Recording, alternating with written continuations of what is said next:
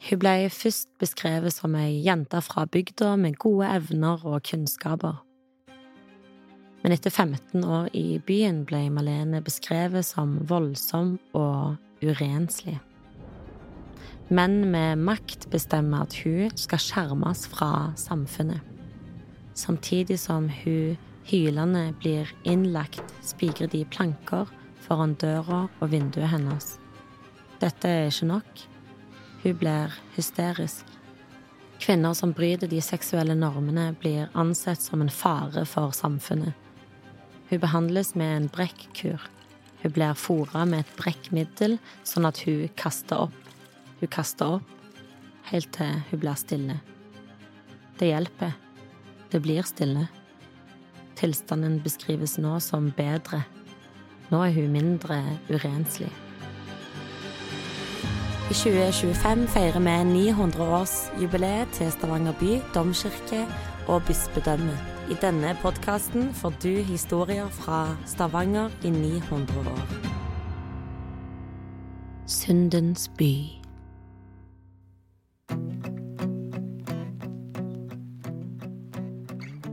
Stavanger med Østre bydel som tyngdepunkt var en av Norges mest industrialiserte byer på starten av 1900-tallet.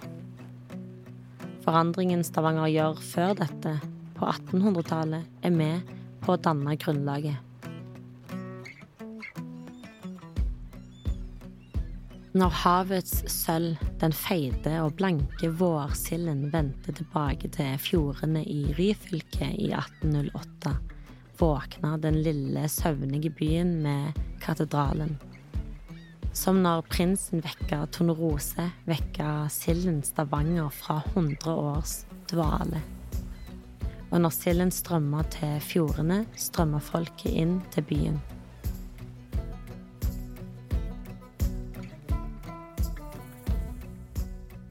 Silda la grunnlaget for en kraftig befolkningsvekst.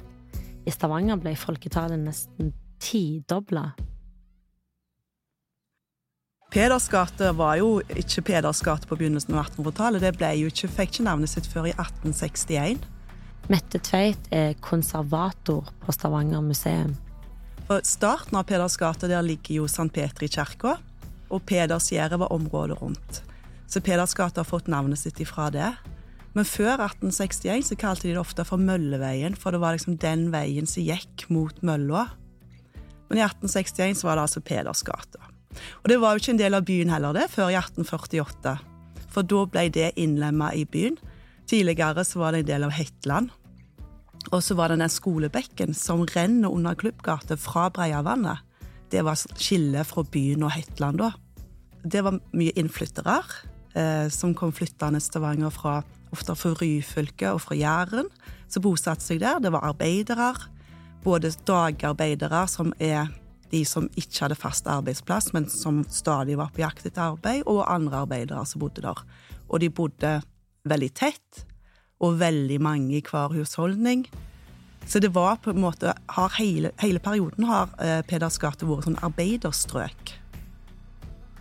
Noe som viser godt igjen i, i rundt Pedersgata i dag, eh, at det har vært et arbeiderstrøk, er jo gatenavn har jo f.eks. Bøkkersmaue og Støperigate og Store Skippergata, som viser at her bodde der eh, folk som jobbet. Stavanger gikk fra å være en søvnig landsby til å bli en by med en stadig økende befolkningsmasse. Og de som kom, de var unge. På midten av 1800-tallet var byen prega av de unge.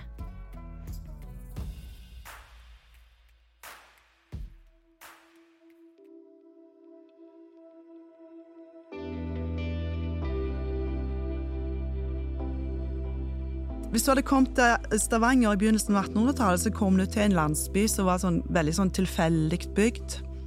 Eh, det var jo Det lukta vondt. Det var ikke sånn etablerte gater med sånn brostein og sånt da. Det var rett i sorpa, og det var eh, renner rett ifra huset ut i gatene hvor alt avløp kom.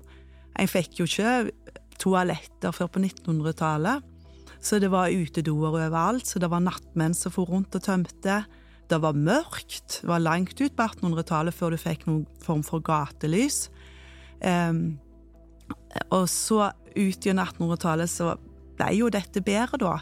Um, men det økte jo. altså det, Folk kom strømmende til sant, og bosatte seg overalt. For i starten av 1800-tallet så var det jo sånn at det, du hadde åkrer og dyrka masse mat rett i byen. Alt dette ble jo fortrengt for ny bebyggelse. Vi hadde jo en rivende befolkningsutvikling utover 1800-tallet, og det som er veldig spesielt med den befolkningsutviklingen, det er at det er mange unge folk. Eh, mens eh, en tredjedel var over 40 år i 1801, så ser vi at i 1855 var det en sjettedel av befolkningen som var over 40 år. Eh, samtidig så ser vi at i 1801 var en tredjedel under 20 år. Eh, mens halvparten av de som levde i Stavanger by i 1855, var under 20 år. Altså halvparten av befolkningen var under 20 år. Det er veldig spesielt. Det var en veldig unge befolkning.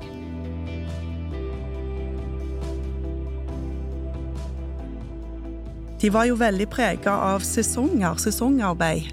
Så jeg tenker at livet har vært veldig betinga av om det var sesong, eller om det ikke var sesong. Og det må en jo ha merket når en kom til byen.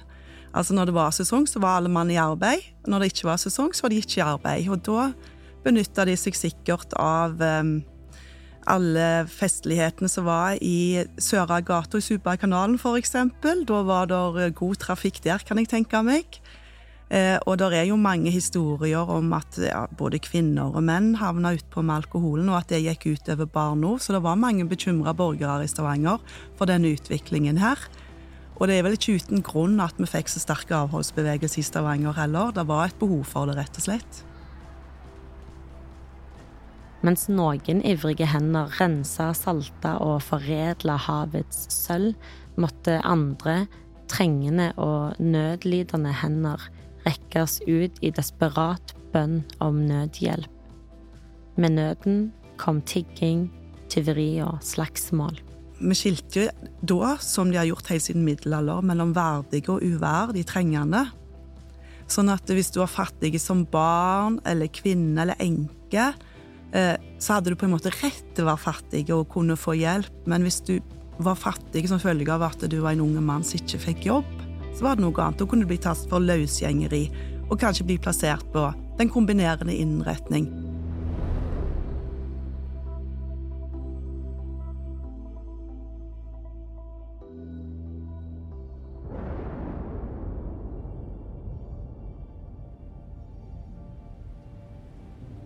Bare ved å få bukt med den selvforskyldte fattigdommen kunne man gi de ekte fattige den hjelpen de trengte, skriver Sven Egil Omdal i boka Den lange veien til Ullandhaug. Midt på, på 1840-tallet så, så, var det klart at det hospitalet som hadde vært der siden middelalderen, det var håpløst uegnet for det behovet som byen hadde. Og da eh, tror vi at det var eh, byens Altså byfogden og den som styrte hele byen, eh, Halvor Laus Christensen, som kom på ideen om å samle alle byens sosiale institusjoner på ett sted. Straffanstalten, eh, spinnhuset for gamle kvinner, oppbevaringsstedet for prostituerte, sykehus, galesykehuset, altså dårekistene, som det da hette på den tida. Få det alt sammen, legg det på samme plass, eh, og ha gjerne en skole eh, i samme byggene, og, og eh, Får du koleraepidemi, så flytter du òg kolerapasientene inn der. Så det var en Alt dette det ble samla på den tomta der hospitalet hadde ligget um, i skråningen opp fra skolebekken. Um, Ennå så lå jo den gamle Sankt Peterskirka den gamle trekirka. Og de, disse bygningene der, de ble da ganske raskt så fikk de navnet Den kombinerte innretning.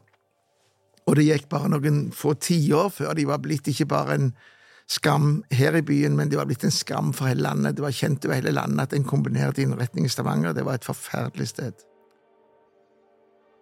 Den kombinerte ligger i skråningen opp fra Skolebekken, altså der hvor Klubbgata går i dag. som Skolebekken gikk fra Breiavatnet til, ned til, til Jorunholmen.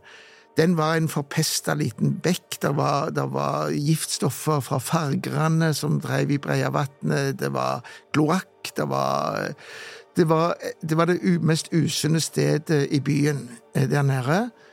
Og der lå da disse institusjonene som òg var for de syke.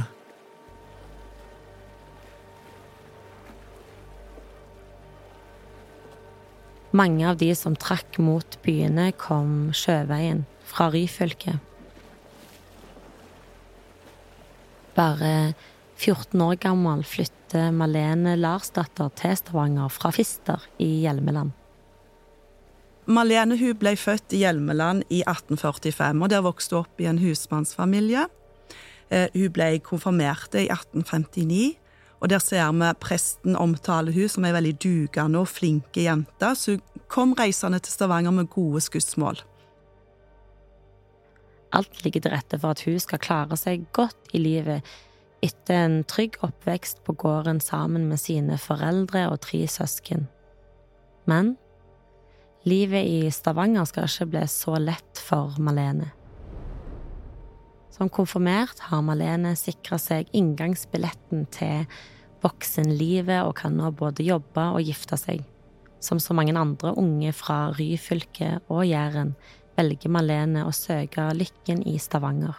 Tjenestepike er det vanligste yrket for unge jenter, og Malene får sin første tjenestejobb hos seilmaker Christian Hendriksen og hans familie i Vinkelgata 6 på Storhaug. Der bor det til sammen tolv personer.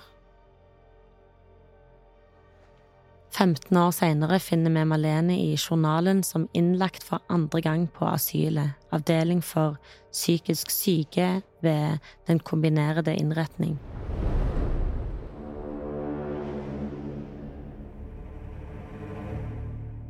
Hun er nå i tjeneste hos en vekter. Selv om journalen er sparsom på informasjon, kan det leses mellom linjene at det har skjedd noe av seksuell karakter mellom hun og vekteren som skal ha utløst hennes nåværende sinnstilstand. Hennes forhold til ham skal ha vært sådan at hun hadde av god grunn til den anger der grep henne i sykdommens begynnelse, og som siden gikk over til en stille grublen. Etter at denne tilstanden hadde vedvaret i ca. tre uker, fikk hun plutselig det maniakoliske anfall, da syntes at være på toppunktet nå ved hennes innleggelse den 10. januar 1874. Og da er det altså sånn at hun har tjent hos en vekter, og så høres det jo ut som de har hatt et forhold, da. Og det skal hun angre på. Og det er litt sånn typisk for tida. Vekteren blir ikke nevnt med navn engang. Det er liksom ikke han som har betydning her. Det er hun som bør angre på hvordan hun har vært med den vekteren. Og han har hun tydeligvis vært hos da siden, eh, siden første gang hun var innlagt. Hun blir med sykdommens utbrudd beskrevet som angrende og grublende, og etter tre uker får hun melankolske anfall som fører til innleggelsen. To måneder etter beskrives hun som voldsom og urenslig, og etter å ha vært innlagt i tre måneder hoier og skriker hun sånn at det blir spigra planker foran vinduet. Seinere behandles hun med en alvorlig brekkkur. Hun gis brekkmiddel for å kaste opp, og tilstanden beskrives nå som bedre, og hun er mindre urenslig. De får de sinnslidende til å drikke et brekkfremkallende middel Eh, og da skal oppkasten være så vanvittige og, van og, og fremkalle så stort ubehag hos en sinnslidende at det vil få vanviddet til å forsvinne. Og det ser ut til å ha hjulpet, for hun ble skreven ut i september. Eh, da ble hun regna som normal igjen, og da ble hun utskreven. Malenes historie er ikke enestående. Journalen fra asylet vitner om flere tjenestepiker som blir innlagt med tilsynelatende psykiske problemer etter å ha vært i forhold med en mann. Eh, og da er det tre eh, diagnoser de får som går igjen, og det er melankolia, mania og nymfomania. Eh, og da er det ofte sånn at melankolia eh, Da handler det om eh, anger, sånn som hos Malene, eller at de er redde for det religiøse, redde for å bli straffa. Eh, mania, da er de mer sånn eh, at de blir litt vanvittige, utagerende.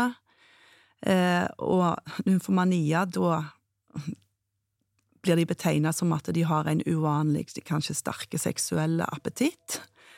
Eller det handler om kjærlighetsaffærer. Alle handler egentlig om kjærlighetsaffærer. Det er som regel en mann involvert i hvorfor de har havna der.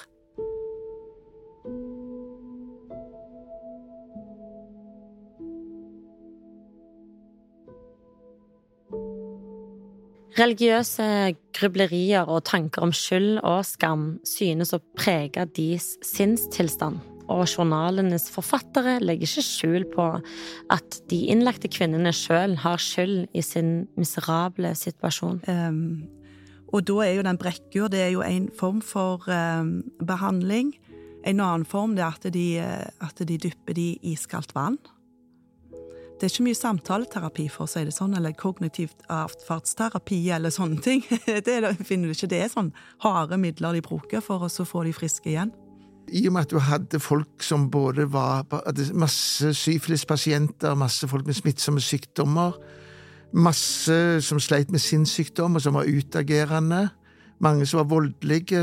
Eh, de innsatte på arbeidsanstalten, stalterne, var jo frykta i hele byen. Det var menn som var satt i tvangsarbeid, og de, mange av de var voldelige, og de ble slått fysisk med, med tautamp som straff på anstalten, så det var òg et sted hvor folk stadig vekk hørte skrik av folk som ble piska der inne når de gikk forbi. Og da kan jeg tenke seg hvordan det var å være um, unge kvinner eller barn og, og, og være et sånt sted. Så, så etter hvert som tiåra gikk eh, utover på siste halvdel av 1800-tallet, så, så ble egentlig forholdene bare verre og verre. På 1800-tallet ser samfunnet det som kvinners plikt å opprettholde seksualmoralen. Menn må få utløp for sine seksuelle drifter. Legen Oskar Nissen mente at bare 10% av den kvinnelige befolkningen hadde seksualdrift. Kvinner som bryter de seksuelle normene, blir ansett som en fare for samfunnet. Det forventes at menn skal ha med seg seksuelle erfaringer inn i ekteskapet, mens kvinner skal vente med sex til de er gift. Samtidig kan overklassens menn ha før-ekteskapelig sex med kvinner fra lavere klasser og med prostituerte. Det var jo ikke uvanlig at eh, tjenestepiker ble eh, satt barn på av far i huset. Og um, som ugift mor så hadde du ikke noe annet sted å ty inn enn for eksempel på den kombinerte innretning. Det var jo veldig mange som fikk barn utenfor ekteskap. Um, og det var, det var, ikke stas på denne tida her. Da måtte de gjerne gå med sånn uh, skammeskaut, som var en sånn tydelig symbol på at eh, du hadde havna i uføre med å få barn utenfor ekteskap. Mennene ble ikke straffa på samme måten. sånn at det, det var kvinnene som måtte lide for det. Og i dag eh, ble jeg god fortalt om ei som ble tvangssendt til Amerika av at hun var blitt gravid utenfor ekteskap. Og da var det familien som sendte den av gårde for å unngå skammen. Så det var ulike måter å løse det på. Alenemødre står på utsida av samfunnet og de som gifter seg, må bære brudekroner av halm, papir eller tøyhatter, alt etter den lokale tradisjonen. Noen blir nok godt ivaretatt av familien, mens andre, som står ansikt til ansikt med fattigdom og sult, ender med å ta livet av sitt nyfødte barn. I utstillingen vår har vi et ganske sterkt uttrykk for hvor vanskelig det var å få barn utenfor ekteskapet. For der har vi rett og slett ei lue som ble funnet på et barnelik gravlagt på Kalhammeren. I, altså den ble funnet i 1853. Eh, og dette er jo et ekstremuttrykk for hva kvinner kunne gjøre hvis de ble gravide utenfor ekteskapet, for da er det mest sannsynlig det som har skjedd her. For det, de ville jo ikke gravlegge barn utenfor en kirkegård. En hadde jo tro ennå på at For at barna skulle få plass i himmelen, så måtte det være gravlagt på en kirkegård. Så dette er jo et sånn uttrykk for desperasjon, tenker jeg, at dette har skjedd. Så jeg syns det er ganske sterkt med den lua. Det er ei fin lue òg, som har uh, tatt på dette barnet, som viser at det har ikke vært lett eh, å gjøre dette.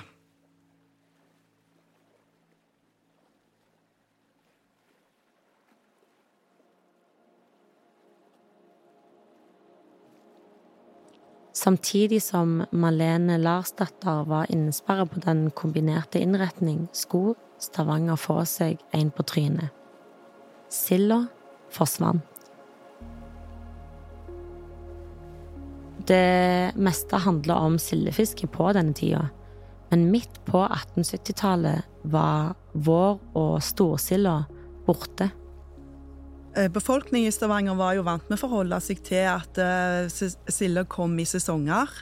Og når hun forsvant helt, da, så var det jo ikke sånn at vi lå på bar bakke, for da hadde vi allerede etablert en skipsfartstrafikk. Sånn at uh, Og det var behov for fraktfart ute i Europa. Sånn at en tredjedel av, den mannlige befolkningen var relatert til skipsdrift. Uh, sånn at konsentrasjonen gikk mer rundt det, da. Det å øh, drive med skipsfart. Eh, til en da fant ut at eh, altså idet silda forsvant, så tar jo brislingen mer plass. Så blir det fangst av brisling, så ender jo det opp i en ny industri igjen, hermetikkindustrien. Sånn at det ene overtok for det andre. Men klart det har jo vært perioder der hvor det har vært vanskelig for folk. Men det var ikke sånn at de var uvante med det. Det var ikke første gang det skjedde for folk flest. Amerika lå jo hele veien der som en gyllen mulighet. Altså, mange reiste jo for å finne lykken eh, en annen plass. Altså, En reiste der det var mest mulig å hente. Mange av de som hadde kommet til Stavanger, hadde jo allerede forlatt hjemstedet sitt.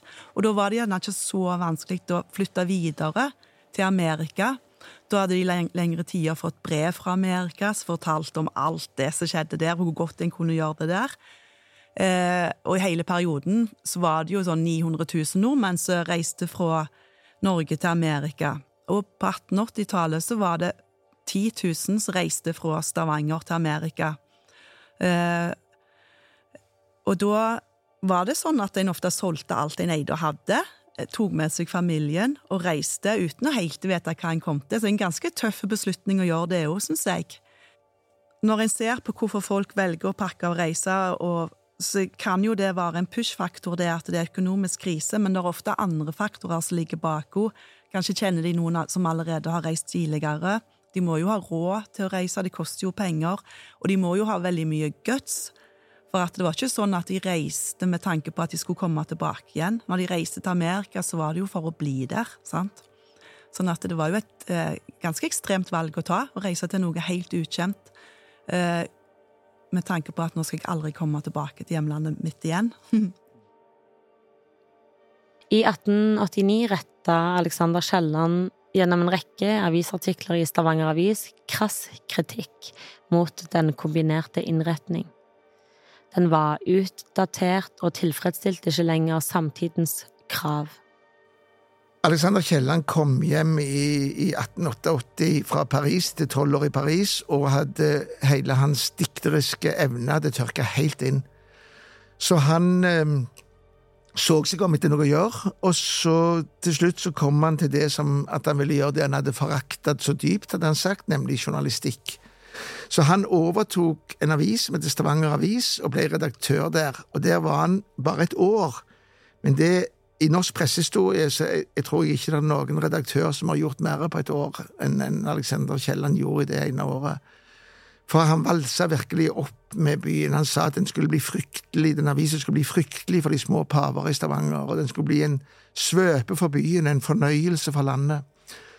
Og noe av det første han gjorde, det var å gyve løs på den kombinerte innretning. Så i sju svære artikler så beskrev han elendig. Han gikk ned der, og så gikk han rundt og drev oppsøkende journalistikk. Så kan godt si at det var forløperen for den moderne sosialjournalistikken. Han, han gikk ned og beskrev uh, elendigheten, og med sin fantastiske formuleringsevne så bredte han jo ut da for hele byen og for de som ellers leste aviser utenfor byen hva som foregikk på en kombinert innretning. Og det førte til at formannskapet kom fram til at det gikk ikke lenger, at en måtte finne på noe nytt.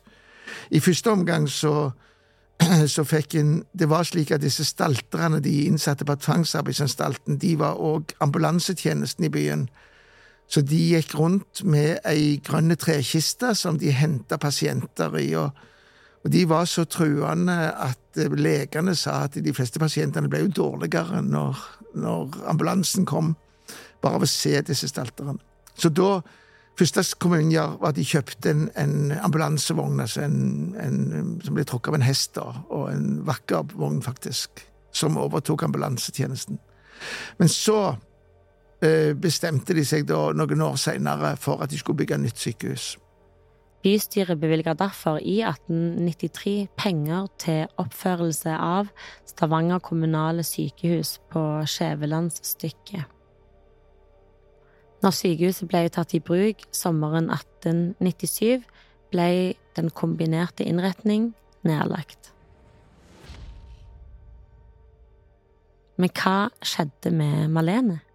Når vi på museet skulle finne et hverdagsmenneske som skulle representere 1800-tallet, eh, så var vi først på utkikk etter hvem er Anna Malena, for alle har jo hørt den der sangen 'Anna Malena på kalosjen sprang'. Det er sånn altså alle unger og alle i Stavanger kan. Eh, så først gikk, leste vi gjennom Stavanger Aftenblad hva som er blitt skrevet om Anna Malena gjennom tidene, og da er det jo veldig mange som har spekulert på om ikke hun var ei prostituert. Hun bodde i Søragate, Subakanalen som det ble kalt. Og da er historien at hun var ei prostituert som eh, Og Johan var en kunde som ikke betalte for seg, så sprang etter han for å ta han da. Så vi bestemte oss for ok, dette her må vi finne ut av, kan dette her stemme? På jakt etter Anna Malena da, så var vi først i folketellingene, og der fant vi flere Anna Malena.